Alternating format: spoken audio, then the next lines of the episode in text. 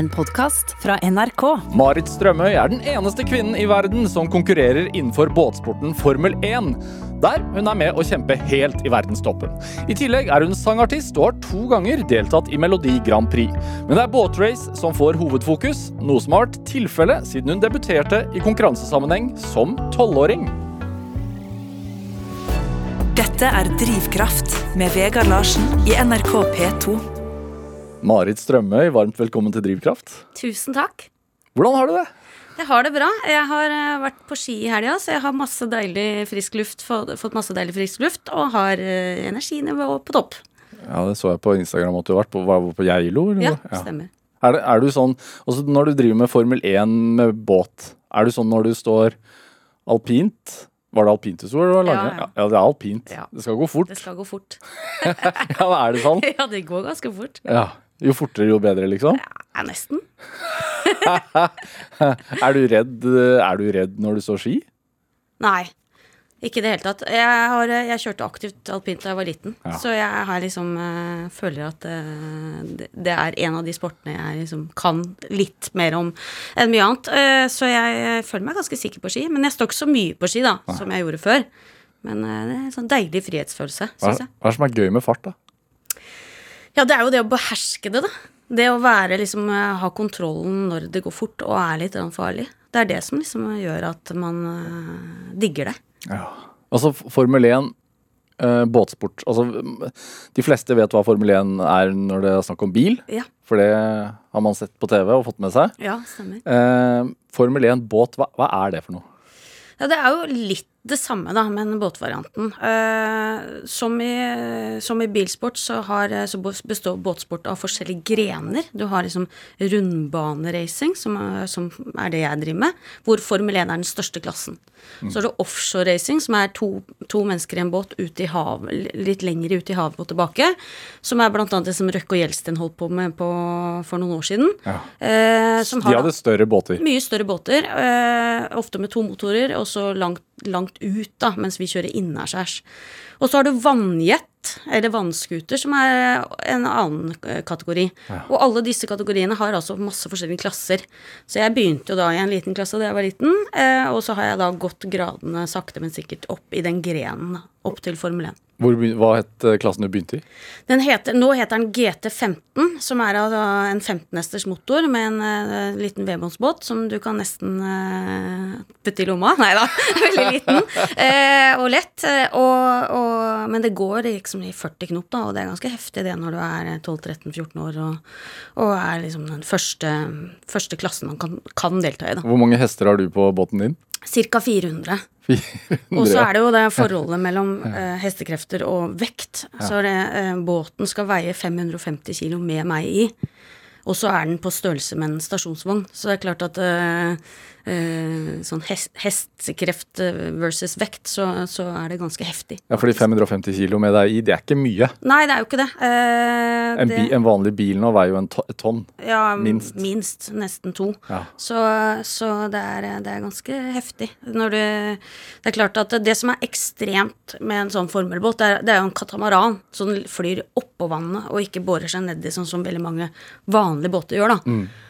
Og eh, egenskapene til båten er jo at du, når du kommer inn i sving, så kan du svinge på den berømte femøringen. Altså du, det, du kan eh, På veldig kort tid så, så kjører du motsatt vei. Eh, og i det svingøyeblikket så har vi jo en eh, Vi opplever G-krefter på kroppen som, til, som er opp mot eh, 7, 8, 9, 10 G.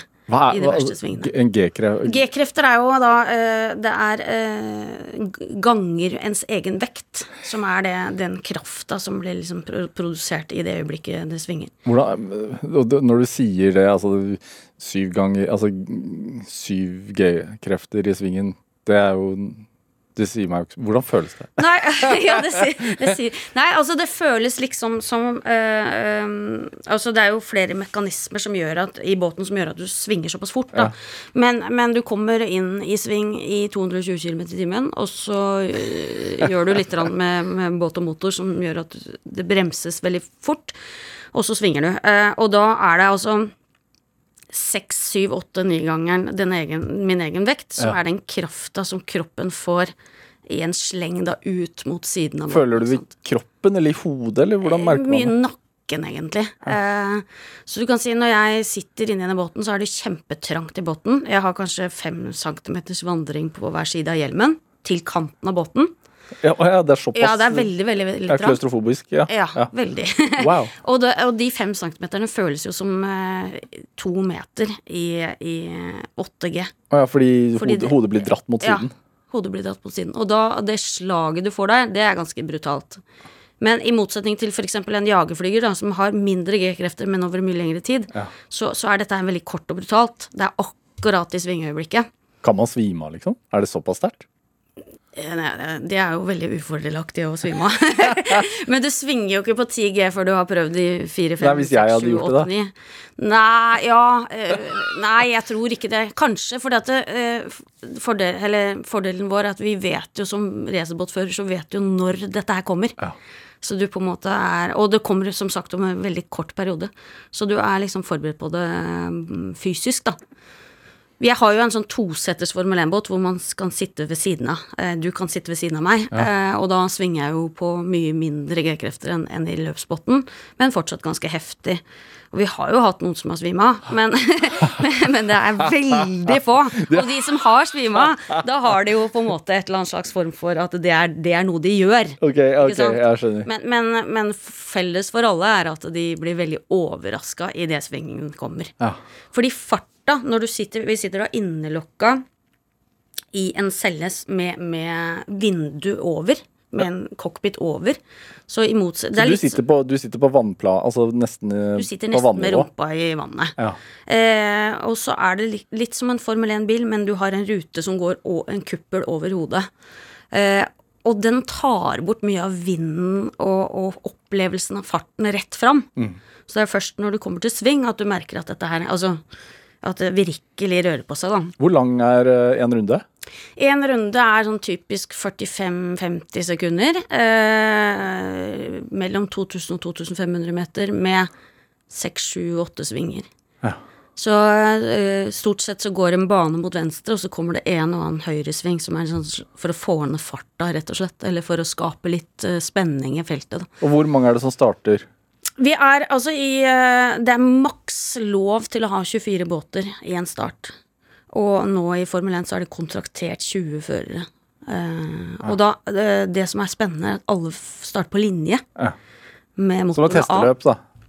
Ja, men på, ikke sant, i, i FN bil så, så starter man stagga. Ja. Men her så står man på en linje hvor da den som har eh, fått pole position, altså beste startspor, som har kvalla inn til beste startspor, eh, starter innerst. Altså har kortere vei til første sving. Ja. Og så er det, det er, Så får du to minutters varsel. Ett minutt, 30 sekunder. Og så, eh, så slår det seg på eh, røde lamper. Og når de røde lampene slokker, så starter vi motorene. Og da er det jo ikke gir. Så da starter du med full gass i, på, på, på pådraget, liksom. hva snakker vi 0 til 100? Mellom 2,5 og et halvt og tre og et halvt sekund. Litt avhengig av hva slags bane du er på, da. Eh, Så det er jo heftig, det, altså. Eh, Og så er det da kanskje 400-500 meter, og så skal alle svinge til venstre. Og det er jo ofte det, i det øyeblikket at det kan skje noe, da. Eh, Og det er også det øyeblikket som, som avgjør veldig mye av, av skjebnen din til resten av løpet. Hvis du får en dårlig start og en dårlig første runde, så har du jo helt klart en, en lengre vei å gå. Hvorfor det? Fordi det er, ikke sant eh, Vannet er i konstant forandring. Eh, det er ikke sånn at du kan si at eh, hvis du kjører eh, Du kan ikke sette en passer rundt, rundt banen og tenke at dette er idealsporet. For idealsporet er jo eh, så nærme bøyene som mulig, men der hvor det er minst mulig sjø. Ja, og enhver båt foran deg skaper sjø, selvfølgelig. Ja, alle båtene skaper sjø. Og er du bak ti båter, så har du ti båter foran deg som har skapt sjø. Er du alene foran, eh, så, så har du et stort fortrinn. Så Hvor mange runder er det? vi kjører eh, Det, det er ti, eh, rundetiden avgjør det, da. Så det er et eller annet sted mellom 45 og 55 runder. Eh, Så du kjører liksom et effektivt løp varer i 45 minutter. På, på, på, full, på grønt flagg, som det heter. da Altså uten ulykker. Så var, skal det vare i 45 minutter. Hvordan er det for deg da, altså når du Altså båtene står på linje. Mm. Kjører du dit, eller plasserer du deg i båten mens den står der? Nei, du kjører dit. Eh, altså du Som regel så setter man ut båtene på startbrygga, Ja. og så kjører vi en, en oppvarming, sånn uh, defilering med flagg og sånt noe, i den rekkefølgen vi har kvala i. Ja. Og så legger man seg opp da én etter én. Eh, og hele prosessen kan ta en ti minutters tid, tenker jeg. Og så har du liksom Fra tominutteren går, da, så er det liksom stille. Da er det full, eh, full fokus. Hva tenker du da? Nei, man er, jeg er veldig, veldig opptatt av det lyset, da. Altså veldig opptatt av å se lyset. Eh, og det er klart at, eh, som sagt, vannet er i forandring. Så, så kommer det en bølge, så vil båten skuppes liksom bitte litt den ene eller andre veien, og da kanskje er lyset litt ute av fokus for deg. Så vi har, jeg har tre mekanikere som står bak på brygga og holder i båten. Ja. Og jeg er helt hysterisk på at de skal holde den rett. Selv om det er to minutter igjen. Eh, og de skjønner liksom ikke hvorfor jeg For det er- det er veldig viktig for meg å være eh, den som ser lyset best, ikke sant? Ja. Så, så det er kjempefokus på det. Eh, pulsen er høy, selvfølgelig, og det er jo en periode der hvor eh, Alltid, tror jeg. Nesten hver gang det, de sier to minutter, tenker jeg 'hvorfor gjør jeg dette her'? og så kommer 30-sekunderen, og så digger jeg det. Så det er veldig, veldig, veldig rart. Hvorfor den usikkerheten? Nei, det er ikke usikkerhet. Det er mer sånn der eh, Du vet at du har eh, Og det også litt avhengig av hvor du kvalifiserer deg. Hvis du kvalifiserer deg ved siden av noen som du vet kjører som idioter, så har du en annen tankegang enn hvis du ligger i første startspor og vet at du, nå skal du bare reagere. Du trenger ikke å tenke så mye på de som er rundt deg. Fordi det er liksom Det er, det er, det er sånn skrekkblanda fryd, fryd. Ja. Og det er det å plassere seg i forhold til eh, konkurrentene og ta de riktige valga som gjør at eh, løpet blir bra eller dårlig. Hva betyr det at de kjører som idioter? Nei, altså, vi vil jo alle vinne. Det er jo det som er greia. Det er 20 stykker som har eh, gått forskjellige runder med seg selv og med omverdenen for å komme dit de er. Eh, og alle har én ting til felles, og alle vil vinne. Eh, og det er eh, Vi er som personligheter og førere, så er vi veldig forskjellige. Så jeg, jeg kjører jo stort sett mot de samme hele tiden, og har kartlagt liksom hvordan de kjører. Eh, og og øh, i den prosessen om å ville vinne, så er, så er det jo mange som går over lik for å vinne. Eh, og jeg gjør jo det selv noen ganger òg. Hva vil det si? Nei, At man altså skubber de, eller? Ja, for eksempel, og stenger og, og gjør sånne uregelmessige ting som Altså eh, det er greit at du kanskje får en straff for det, men da har jo skaden allerede skjedd. Og løpet, altså hvis, hvis jeg f.eks. blir stengt i en sving, da, Ja. eh, eh, og vedkommende får en straff, så, så skjer jo det etter løpet. Mitt løp er jo da enten ødelagt eller Nei, det kan være at du får, eh, som i fotball, du får gult, gult kort. eh, og så kan du få Det to. betyr ingenting med gult kort. Nei, og så kan du få en, en Du kan få også utestengelse fra neste løp, f.eks. Men da skal det være veldig grovt. Ja. Og så kan du få da en, en bot, og det er jo ikke alle som eh, trenger å bry seg så fælt om den boten.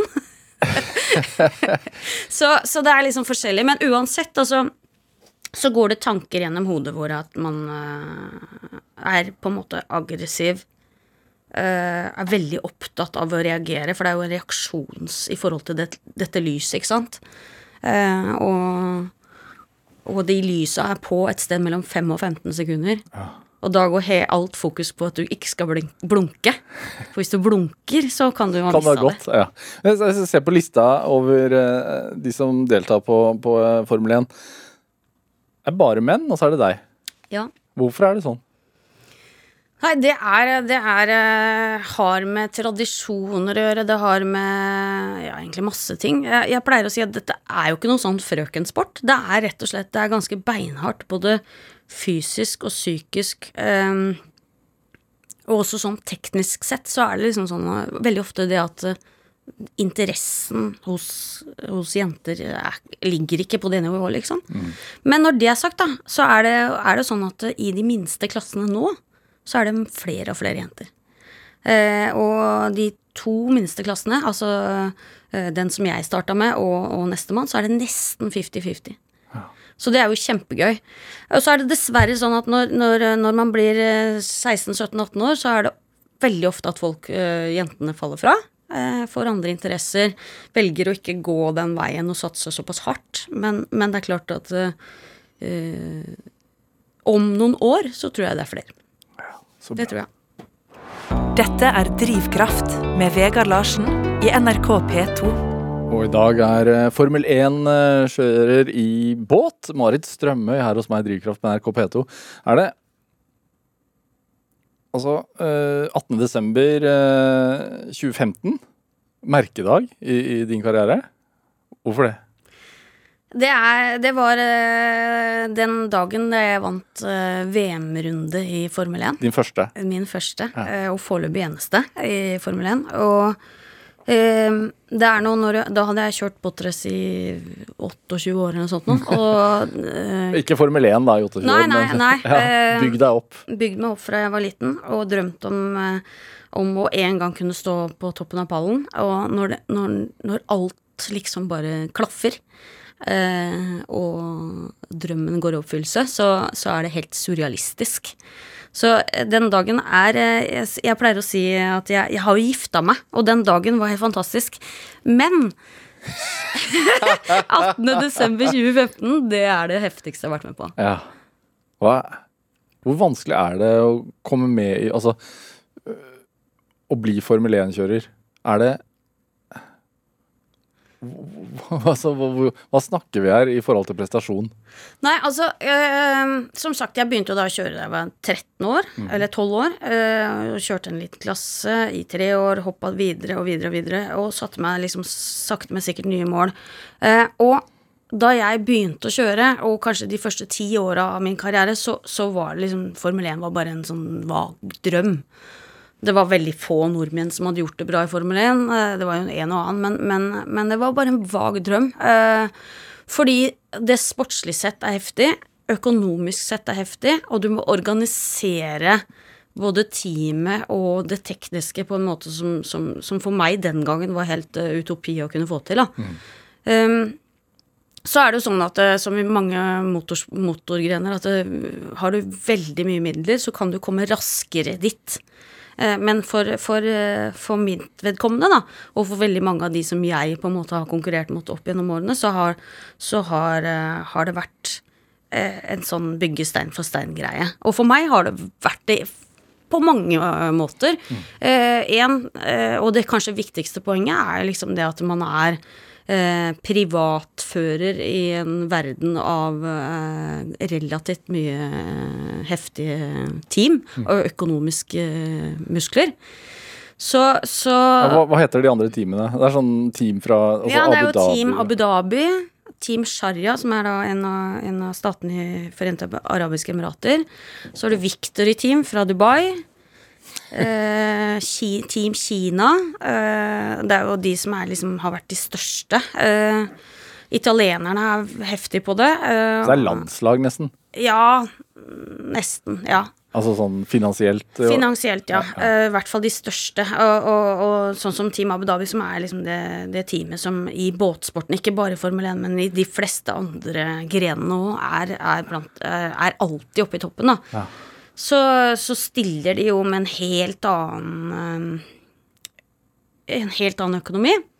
Og det er jo sånn at eh, du vinner ikke på å være rik, eh, men det de har som, som ikke vi har, er jo muligheten til å skaffe seg de beste båtene, de beste mekanikerne, de beste førerne, de beste ditt, de beste datt. Så, så de kan profesjonalisere alt på en helt annen måte.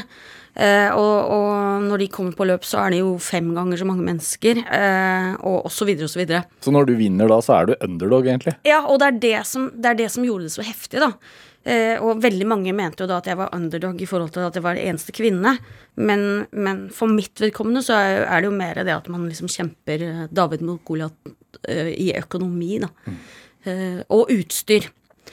Så er det sånn at du kan ikke ha, du kan ikke ha liksom du, du fører, Føreren og, og kombinasjonen mellom fører og båt er jo også veldig, veldig viktig. Du kan ikke bare sette deg i den raskeste båten i verden og vinne VM i Formel 1, for det krever veldig mye. Men det er klart at eh, for å vinne, så må du ha blant de raskeste båtene. Ja. Er det stor forskjell? Jo, Både ja og nei. Altså, vi, vi har jo da måttet ta et valg fordi at eh, vi, jeg kjører med en ganske gammel båt som har en viss forse på visse baner. Mens uh, Den er, god, den er god til å svinge, eller den er Ja, god den, til å den, flaten, den er altså. veldig god på Hva skal jeg si Ikke flatt vann, men med sånn ideelle forhold, da. Og så er den litt mer eh, handful på, på mye sjø. Eh, og da, grunnen til at vi gikk den veien For hadde, før så hadde jeg det motsatte. Eh, men da hadde jeg egentlig aldri sjanse til å vinne. Men eh, nå har vi en vinnerbåt som er veldig vanskelig å vinne med når det er mye sjø. Men da er det mer opp til meg. Før så var det liksom ikke Det var ikke mulig nesten på, i teorien i det hele tatt. Eh, mens for eksempel da kommer jeg stadig vekk tilbake til Team Abu Dhabi. De har da flere båter. Så de kommer til løp med flere båter og kan, kan eh, man kan ikke bruke Man kan ikke plutselig, hvis det begynner å blåse opp, hoppe over i en annen båt. Man må liksom bestemme seg for hvilken idet man går inn i kval kvalifiseringa, da. Men da har du da har du større muligheter for å, for å teste ut hvilken båt er best. Og da snakker vi om at en båt er da fem centimeter breiere eller smalere. Så det er jo veldig liten forskjell, da. Abu Dhabi har det norske smøreteamet. Ja, det er nettopp det de har. Det er det de har. Jeg skjønner. Så det Er det eh, Men Hva, Jeg tenker Når du da konkurrerer mot f.eks. Team Abu Dhabi, som er en slags hovedkonkurrent, da. Mm. Kvinnesynet der er jo litt så som så. Hvordan er det da når en kvinne står på pallen? Nei, det er- Merk, merker du noe til det? Altså er det sånn, Blir du, blir du feiret på lik linje, eller? Ja, ja, det blir jeg. Og jeg øhm, Det er klart jeg merker til det, mye til det, men, men jeg merka nok mer til det for 10-15 år siden, da jeg begynte å gjøre det bra i de største klassene, eller de store klassene. Hvordan da?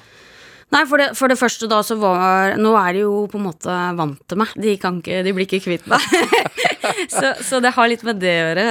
Um, og de respekterer meg som, som en, en konkurrent på like linje med dem selv. Mens i begynnelsen så var det jo mer sånn at jeg var en, et, et, en art, et artig innslag i, på, på resultatlista. Men du merker, hvordan merker man det? At man er det?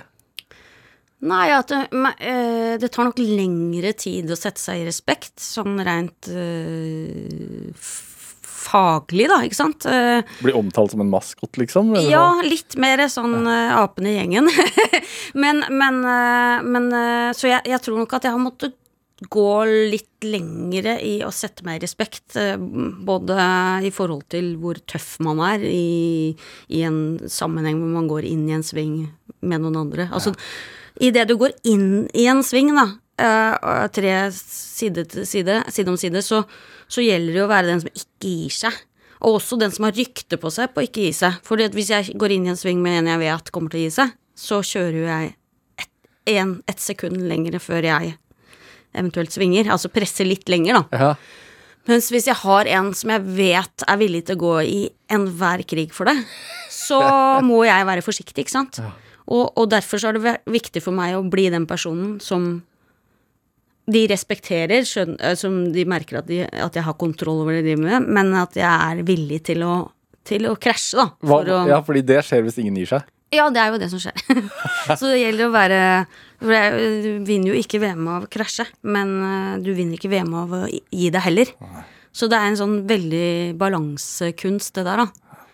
Eh, Så, men, men i begynnelsen så, så det, det eneste man kan gjøre for å bli respektert, det er å, å vinne løp. Eller Hva- vinne fighter. Hva vinner man? Altså fordi da, eh, i 2015, da, 18. desember, så vant du eh, ditt første, altså din første VM-runde, eneste VM-runde som du har vunnet. Mm. Da er det pall og sånn. Ja. Hva, men vinner man noe Hva vinner man? Ja, altså du får noe pengepremier da, i, i, i form av hver enkelt. Altså fra nummer én til nummer ti så er det pengepremie, men det er ikke noe voldsom, du blir ikke styrtrik av det, liksom. Uh, det er ikke som i golf, for å si det sånn. Men, men, uh, men uh, Nei, altså vi gjør jo dette her for fordi det er det Jeg gjør det fordi det er det jeg digger å drive med. Uh, og jeg vet jo at jeg kunne valgt masse andre idretter som kanskje hadde gitt meg mer i i form av rikdom, kanskje, hvis jeg hadde gjort det bra, men, men, men det er liksom det er det siste jeg tenker på, da. Det er de pengepremiene. Mm. det må jeg innrømme. Eh, men, eh, men eh, jeg vet ikke. Det er, det er klart at dette her er jo et, et, en satsing som, som eh, for mitt vedkommende da består av sponsorer. Og, og vinner man en VM-runde, så, så rykker man jo opp i i hva skal jeg si? Verdi. Ja, i verdi. Du, er, du går i opp i kategorien eh, VM-vinnere. Og det er ikke så mange som Det er ikke så mange Det er mange jeg konkurrerer mot som har kjørt i like lenge som meg, som aldri har vunnet en VM-runde. Så det er liksom Og det kan ingen ta fra meg. Nei. Og det er noe med det, altså. Hvor mange VM-runder er det i løpet av en sesong? Det er, eh, altså, før korona så var det ca. åtte. Mellom seks og åtte. Og nå har det vært eh, ja, veldig ustabilt. Og det er fortsatt ustabilt. eh, fordi vi, vi kjører jo Tradisjonelt sett så kjører vi jo blant annet i Kina. eh, to runder i Kina og i Midtøsten og sånt, så det har vært en vanskelig periode. Men, men og til sammen da så utgjør alle disse en, en, en, en total-VM. Så Og da vinner man sammenlagt basert på poeng som man sanker gjennom VM-rundene. Og i, i 2019 kom du på tredjeplass. Ja. Og det var veldig heftig også. Det var eh, eh, For det er klart at det å vinne én VM-runde, eller komme på pallen i en VM-runde, det er eh, heftig. Men det krever noe helt annet å ligge og plukke poeng sånn jevnlig. Og det å vise at man er liksom i topp si fem-seks da, på mer, eller mindre hvert eneste løp. Fordi det er sånn at eh, når vi kvaller, så er, det, så er det om å gjøre å være raskest på én runde. Eh, og da er det rundetiden som, som gir deg en flying runde, da. Eh, og da er det ofte at det er kanskje et halvt sekund fra første til tiende. Så, og det er liksom ei lita bølge, det. Ja. Så det, det, er ganske, det er ganske heftig konkurranse om dagen. Det er veldig tett i toppen. Og det er eh, Da jeg begynte å kjøre, så var det liksom et par-tre team, et par-tre førere, som var milevis foran. Ja. Men nå har vi liksom klart å tette den luka litt, da. Hvis ikke du er en av de som er milevis foran. da. Nei, jeg er ikke milevis foran, men jeg er veldig ofte blant de topp fem-seks. Og det er, eh, det er viktig for å, for å sanke poeng. Ja. Og 2020 ble jo eh, avspist pga. korona, og i fjor så var det jo også det. Eh, I tillegg så Siste løpet i Portugal i fjor gikk ikke så bra. Nei. Hvor kjører dere? Altså dere kjører i Hvor er det løpene foregår? De, normalt sett så kjører vi i Italia, Portugal, Frankrike, Midtøsten, Saudi, eh, Kina. Veldig ofte i Kina. Så har vi kjørt øh, for ja, Nærmeste her er vel Finland, Russland. Og så drømmer vi jo selvfølgelig om å kjøre en runde i Norge. Det hadde vært veldig heftig. Men stabile værforhold er liksom relativt vesentlig? Ja. Ja. Men hva skjedde i Portugal i fjor? Du, eh, vi kjørte to VM-runder på litt over en uke. Eh, første VM-runde av de to så ble jeg nummer tre, eh, og var eh, proppfull av selvtillit. Hadde egentlig hatt en sesong som kom i gang veldig seint, men det hadde gått veldig bra. Altså Hver eneste runde jeg satt i en båt, jeg kjørte litt forskjellige båter den, den, og litt forskjellige kategorier det, året, men så gikk det egentlig veldig bra. Så jeg hadde veldig høy selvtillit, og kanskje, kanskje begynte å bli litt sånn cocky. Litt sånn over, overmot. Eh, og så var det vel ti runder igjen av sesongen, eh, og så ble jeg tatt av et vindkast, og så plutselig så så jeg både eh, himmel og vann, og havna opp ned. Ja, du gikk rundt. Ja. Og du Jeg har ikke sett noen video av det, men jeg har sett bilder av det. Altså, du, altså hvor, du, hvor fort kjørte du da?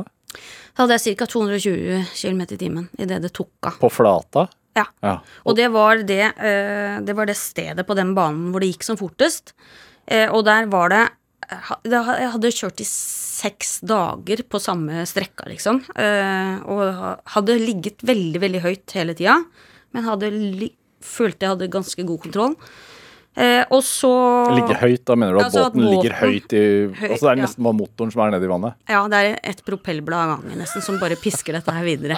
Så, så for greia er at når du sitter i båten, så kan du justere eh, motorens høyde eh, parallelt rett opp og ned, Ja. og ut og inn. Og det er eh, det knapper jeg har på rattet, og de toucher jeg hvert eh, tredje, fjerde, femte sekund. Så det er liksom det som avgjør hvordan båten ligger i vannet. Jo høyere du har eh, båten, motoren, ut og opp, jo høyere går båten Og jo fortere går det. og jo fortere går det. Helt til du liksom begynner å bremse. For det er klart at du, det du vil ha, du vil oppnå at hele båten er parallelt oppå vannet. Ja. Og så kom det et vindkast under båten. Ja, jeg tror jeg traff en liten undersjø som gjorde at båten løfta seg litt foran i nesa, og så kom det et vindkast. Og så plutselig så var jeg oppe i lufta. Og da gikk jeg da opp i lufta, bakover, eh, og så fikk jeg liksom et slag bak når motoren traff vannet, og så gikk båten forover igjen, og over på hodet. Så det ble en veldig sånn heftig, altså det ble en veldig sånn kraftig krasj, da.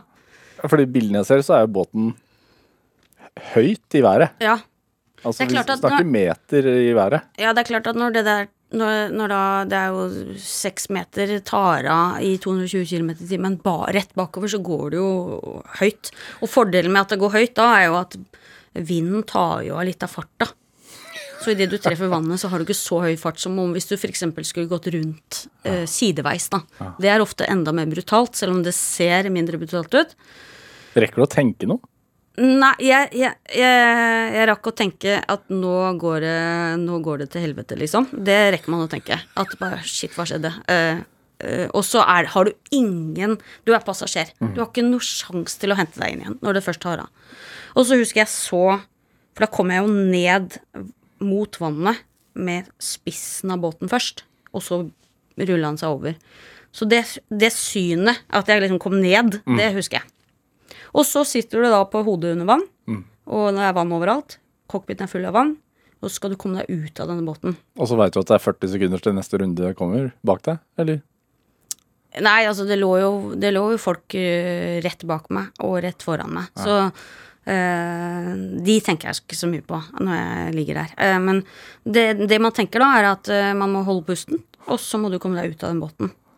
Og da er det, har vi en, eh, en, et belte, eh, sikkerhetsbelte, Ja. som er en sånn syv, syv eh, belter i en, ett punkt da, som du vrir på. Og så må du ta luka på eh, taket Så- over deg Men er det vann i cockpita? hele tida. Så Oi, du må holde pusten. Så det er det som gjør at det er liksom heftig. Så du må holde pusten. Ja, og så du har hjelm og alt, selvfølgelig. Ja. Så må du ta alle disse eh, luker og alt sånt noe, og så svømme ned i vannet og ut. Men, eh, og det er, det er ganske heftig eh, for eh, å tenke på. Men vi har en sånn test en gang i året hvor man simulerer eh, for, å, for å få lisensen. da. Ja. Hvor man blir satt i en cockpit opp ned under vann, og så må du sitte der i x antall uh, sekunder før du kan komme deg ut. Eller du skal begynne den sekvensen. For å, for å trene oss i å bevare roen, da. For det er jo det som er. Du må bevare roen. Og liksom tenke Hva skal jeg dra i for å komme ut? Er du overraska over hvor rolig du var? Ja, veldig. Fordi jeg kom ikke helt ut med en gang, for jeg fikk ikke helt tak i, i beltespenna. Ehm, men jeg var egentlig ganske rolig. Og det er klart at den testen gjør jo at man, eh, man, man får selvtillit i det øyeblikket. Ja, men det kunne Altså, når, når, man, når sånt skjer i 220 km i timen, så kan det bli fatalt.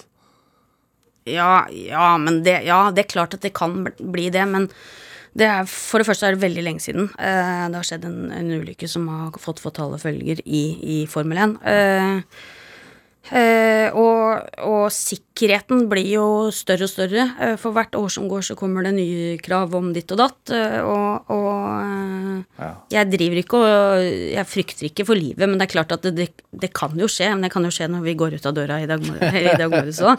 Men, men, men det er jo en sport som har et farmoment. Det er klart det har det. Men jeg er veldig, veldig stoler veldig på utstyret jeg har. eh, Både det jeg har på meg, og det som er i båten. Ba du en, ba du en bønn da, eller?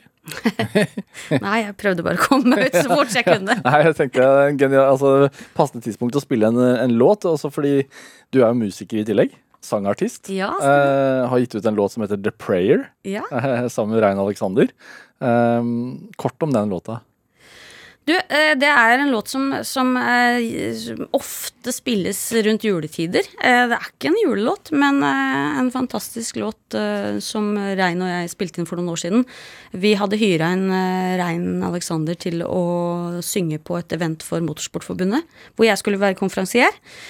Og så spurte han om jeg kunne låta, og så stunta vi den. og det gikk veldig bra. Og så måtte vi spille den inn etterpå. Ja, la oss høre, da.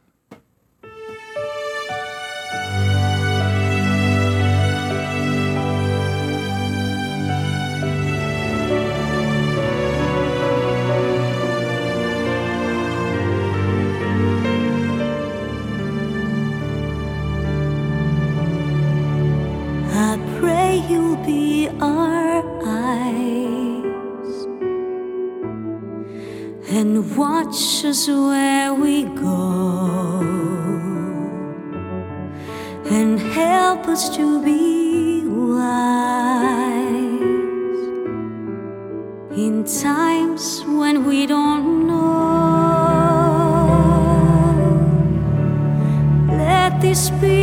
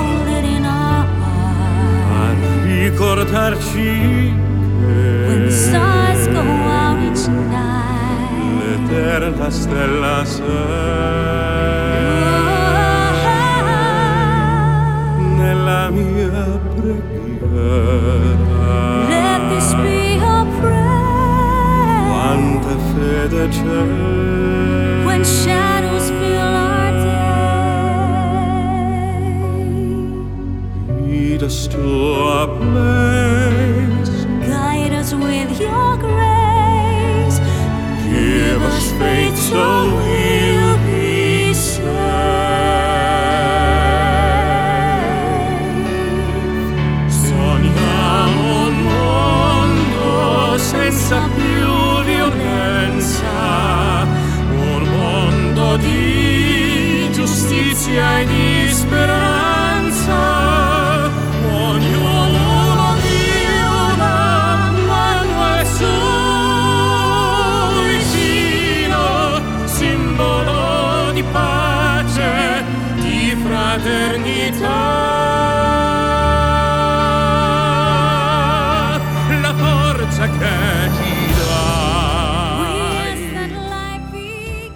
Ja, du fikk en smakebit av låten The Prayer, fremført av Rein Alexander og Marit Strømøy her i Drivkraft på NRK P2. En låt vi spiller i dag fordi at Marit Strømøy er dagens gjest her i Drivkraft.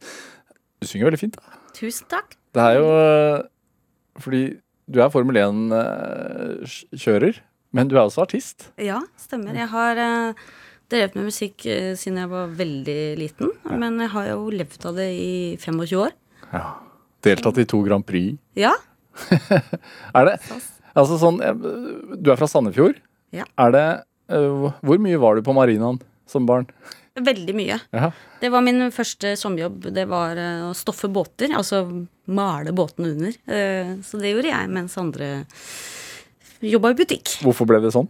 Eh, Nei, faren min og moren min hadde en, eh, en båtbutikk i Sandefjord. Som de drev eh, i årevis, mange, mange år. Eh, Og jeg vokste opp eh, og var veldig sånn pappajente. Så jeg hang rundt han egentlig hele tida. Og det var jo først og fremst fordi han var racerbåtfører, så det ville jo jeg bli òg. Og var både hang på marinaen og prøvde å lære litt om båter og motorer og og, og vi hadde en hytte i eh, Medfjorden i Sandfjord eh, på sommeren. Og der, vi flytta ut der når eh, skolene slutta, liksom. Og der hadde vi mm, tilgang på vannski og surfebrett og fisking og båter og alt mulig. Gjorde veldig mye, da. Så jeg var veldig Sjøen har alltid vært mitt element. Jeg har alltid vært veldig glad i det.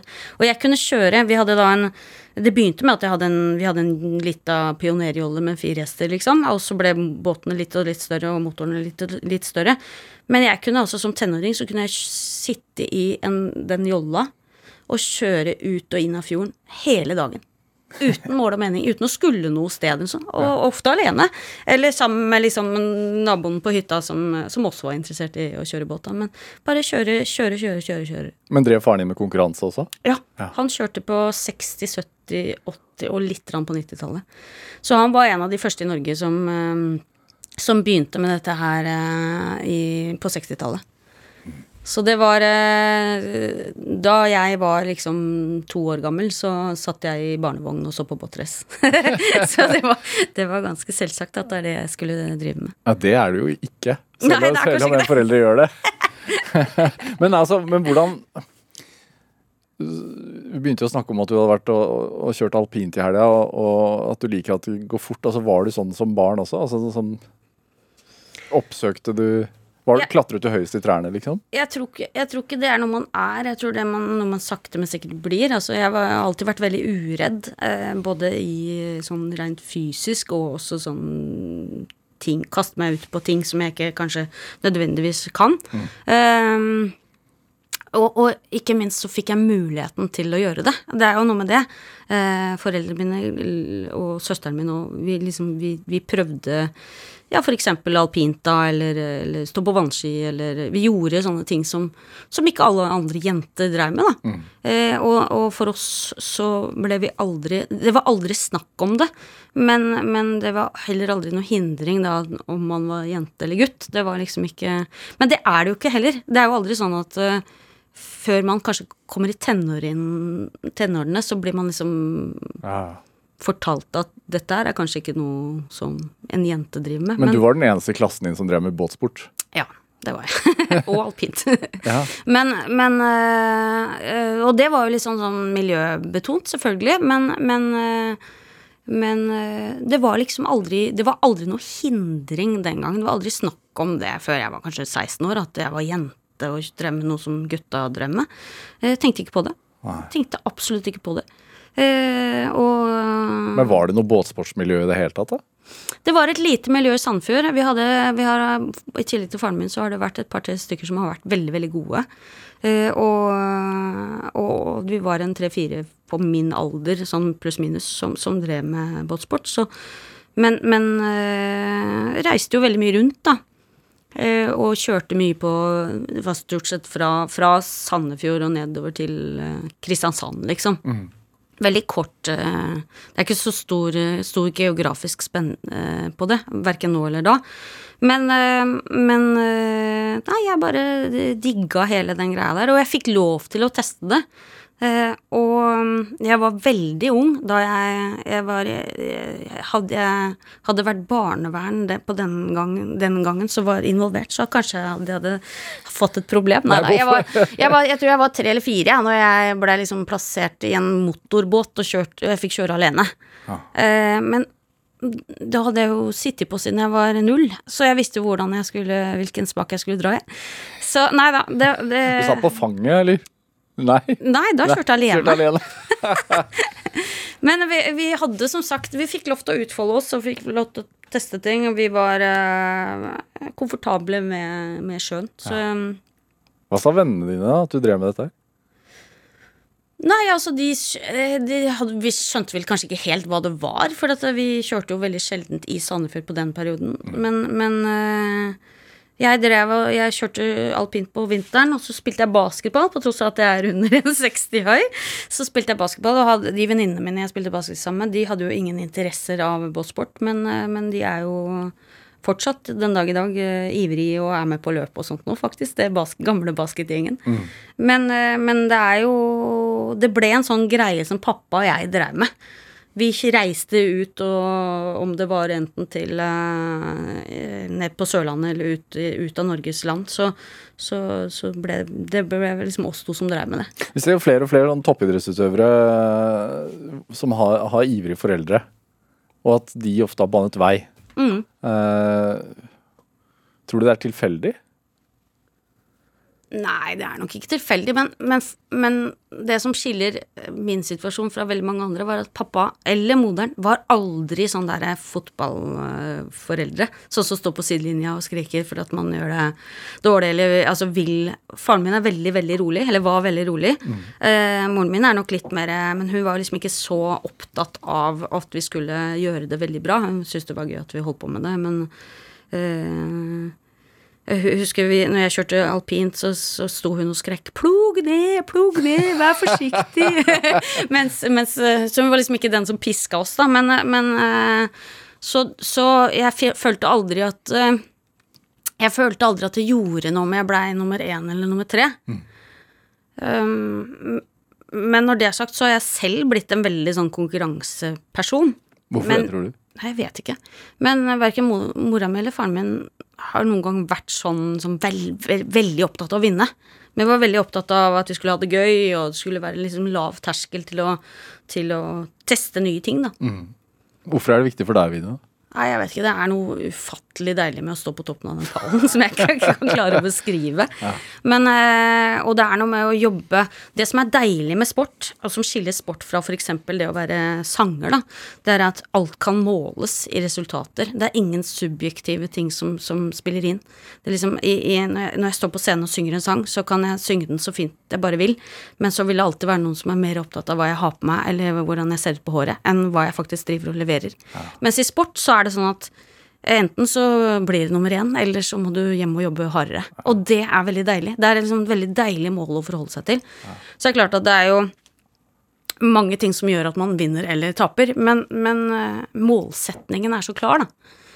Og det, det trigger meg veldig. Mm. Og det er det som gjør at jeg liksom står opp hver morgen, morgen, og tenker hva kan jeg gjøre i dag som gjør at jeg er litt bedre rusta for, for, å vinne neste VM-runde, da.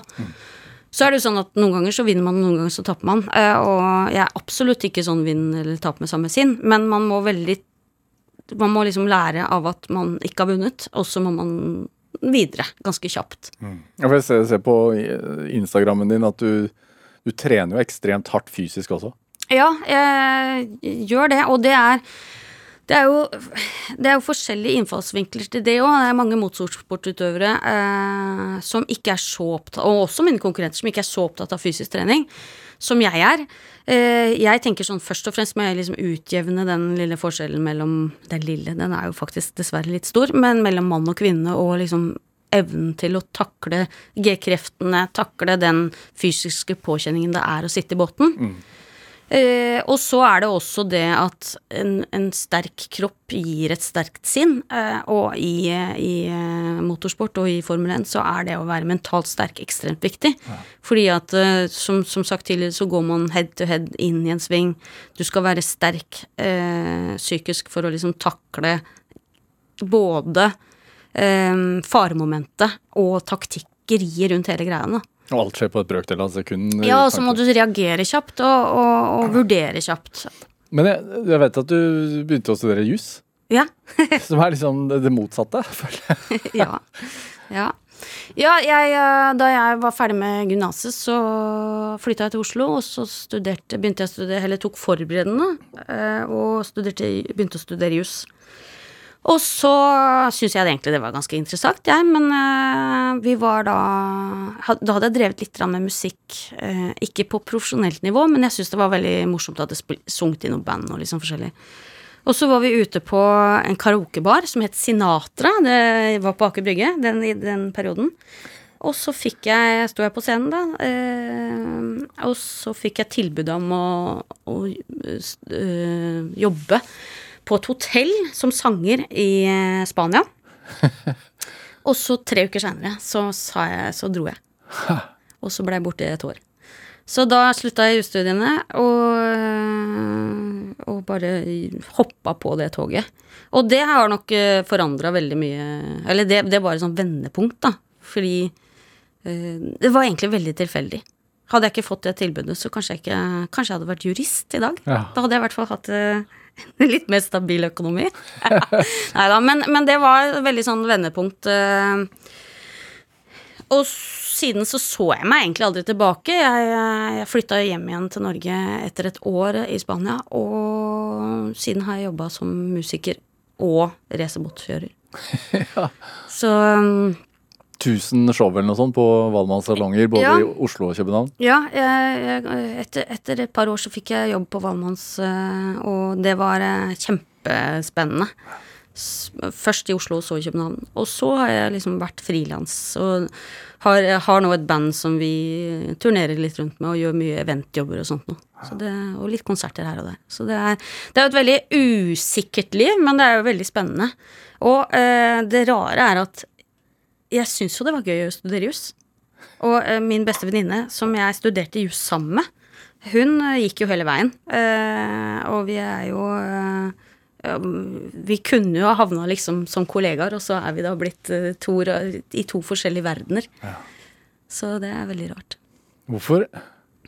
Hvordan er det at man tør å ta sånne sjanser? Nei, altså Jeg, eh, jeg sto jo da overfor at valget var liksom litt sånn nå eller aldri. Dette hørtes spennende ut. Jeg hadde egentlig ikke tenkt tanken, men jeg hadde Søsteren min, hun var jo hun var danser.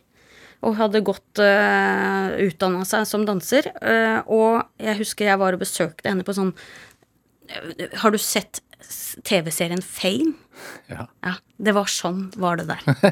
Det var liksom eh, Det var akkurat sånn når du gikk i gangene. Jeg var og besøkte henne på hun studer, eller gikk på den skolen, da. Og så tenkte jeg å herligheten, for en fantastisk verden. Men da var jeg, skulle jeg jo bli eh, jurist, så det var liksom ikke snakk om at jeg skulle gå den verden. Og så plutselig så fikk jeg liksom en, en mulighet til å touche innpå det. Og da tenkte jeg jo egentlig at ja, men da hopper jeg på det, og så går jeg tilbake og studerer jus når jeg kommer hjem igjen. Ja. For det var jo da i utgangspunktet bare seks måneder jeg skulle være der. Eh, og når man er 18-19 år, så er seks måneder veldig kort tid, selv om man føles langt der og da. Så um, jeg vet ikke. Jeg kunne jo selvfølgelig hoppa tilbake eh, når jeg kom hjem, men jeg gjorde liksom aldri det. Eh, da hadde jeg fått, eh, fått teften på det litt sånn frie livet hvor man da jobber hardt og brutalt, eh, og så gjør man det man elsker. Og det er det som har vært viktig for meg. Og det er jo både en uh, forbannelse og en uh, blessing, det at man liksom holder på med det man brenner mest for. Fordi da får man aldri egentlig helt ro. Man faller aldri fri. Det er alltid noe du kan gjøre for at det blir litt bedre, i begge leirer, egentlig. Ja. Men, eh, men du digger jo det du driver med, Og og, det du- elsker jeg. Ja, og nå har du kjøpt ut ditt eget lag, Ja. Team Strømøy. Uh, hvordan skjedde det? Nei, det skjedde egentlig eh, når koronaen hadde herja i tre-fire måneder. Så fikk jeg tilbud av de som eide den, det teamet jeg hadde kjørt for. De eide to teamkontrakter. Det vil si at du Det er som i Formel 1-bil. At du har liksom Ferrari i stallen som har to båter. Du har eh, Mercedes som har to Altså mm. akkurat det samme, da, men på et helt annet nivå, også, selvsagt. Og så eide de to team, og så så de det at dette her ble Nå kom, nå kom eh, pengestrømmen til å stoppe i eh, ganske lang tid. Og så spurte de om jeg ville kjøpe det teamet som jeg hadde kjørt for, som da var arabisk. Hvorpå jeg bare lo tilbake og sa at det kommer jeg aldri til å ha råd til. Eh, og så forhandla vi oss til en, en avtale som var liksom overkommelig, og så hoppa vi på det. Igjen, da, og hoppa, hoppa på det. Ehm, og det var egentlig, og er fortsatt egentlig litt skummelt, for at det er jo da økonomiske forpliktelser og, og sportslige forpliktelser. Men samtidig så stiller jeg jo da mye sterkere. eh, Jeg kan ha eh, det, det er, det er du, du betaler en del, og så får du en del. Og når alt er normalt, så går det i pluss. Både økonomisk og sportslig og alt sånt noe. Så det å ha e større råderett på egen sportslig skjebne og økonomisk, det er jo litt skummelt, men eh, egentlig på, lang, på litt lang sikt veldig bra. Og gift med mekanikeren din. Ja. Ja. Det Gift med fienden, har du sagt. Man eh, må være strategisk, vet du. Nei da, han eh, Vi traff hverandre på Han er italiener. Eh, Vi traff hverandre på et båtrace i 2009. Og så um, Og da jobba han for Team Abu Dhabi. eh, Og så eh, gikk det noen år før han begynte å jobbe for oss. Så det var jo Det var en kamp der hvor vi egentlig ville forskjellige ting. Eller han jobba, jobba for et annet team som, som da var igjen eh, min hovedkonkurrent. Men, eh, men nå er han hos oss, og det er veldig bra. Hva er forholdet ditt til sånn sportsvasking og sånn? Altså sånn at man konkurrerer mot lag så, også hvor det er menneskerettigheter og sånn som er litt sånn Eh, altså, eh, det har jeg tenkt egentlig mye på i forhold til eh, Vi har jo kjørt mye i Qatar eh, i forhold til fotball-VM nå. Og vi har kjørt i Kina og i Saudi-Arabia og sånt noe. Og, og jeg føler vel egentlig det at når, når Hvis jeg tar fotball-VM, da. Eh, når, når eh, Fifa bestemmer seg for at vi skal kjøre, kjøre fotball-VM i Qatar, så, så eh, er det ikke utøverne som må bli stått overfor valget, skal vi gjøre det eller ikke. Da det, det må bli tatt på et helt annet politisk nivå. Ja. Så for, for en utøver å bli liksom stilt politisk ansvarlig for å for, for mitt vedkommende å fortsette VM og kjøre i, i hvor enn vi driver og kjører, det, det er ikke mitt det, er ikke, det ligger ikke på min kappe, føler jeg. Nei. Jeg, jeg, må, jeg skal bare vinne det løpet, og uansett hvor det går hen, spiller egentlig ikke så stor rolle. Og hvis jeg kan inspirere noen der, f.eks. i Saudi-Arabia, noen kvinner i Saudi-Arabia, til å se, som ser da en kvinne som gjør det bra, eh, og som kjemper mot gutta, så er jo det bare kjempebra. helt til kort der, hva- helt til slutt, hva tenker du er drivkraften, da? Kan ikke svare kort på det, vet du, men jeg skal prøve. Kort. Nei, drivkraften er jo det der å kunne kontrollere eh, Altså drive med noe du elsker. Ja. Og kunne eh, bli best i verden eh, i en sport som er heftig, farlig, vanskelig å vinne, og du er liksom David mot Goliat. Det er min drivkraft. Ikke så rent lite, det. Nei, ikke så lite. Hva tenker du er fremtidsmålet for laget, da? Nei, nå er jo fremtidsmålet er jo å bli, for, for meg personlig, å bli verdensmester i Formel 1. Og det er så heftig at jeg liksom, de kan nesten ikke si det. Og så som Team Strømøy, som da består av flere, å gjøre det best mulig. Og liksom utvikle oss på alle mulige måter. Marit Strømøy, tusen takk for at du kom til Drivkraft. Tusen takk. Hør flere samtaler i Drivkraft på nrk.no eller i appen NRK Radio. Produsent og researcher i dag var Camilla Bolling Muir. Eh, Jeg heter Vegard Larsen. Vi høres. Du har hørt en podkast fra NRK. De nyeste episodene hører du først i appen NRK Radio.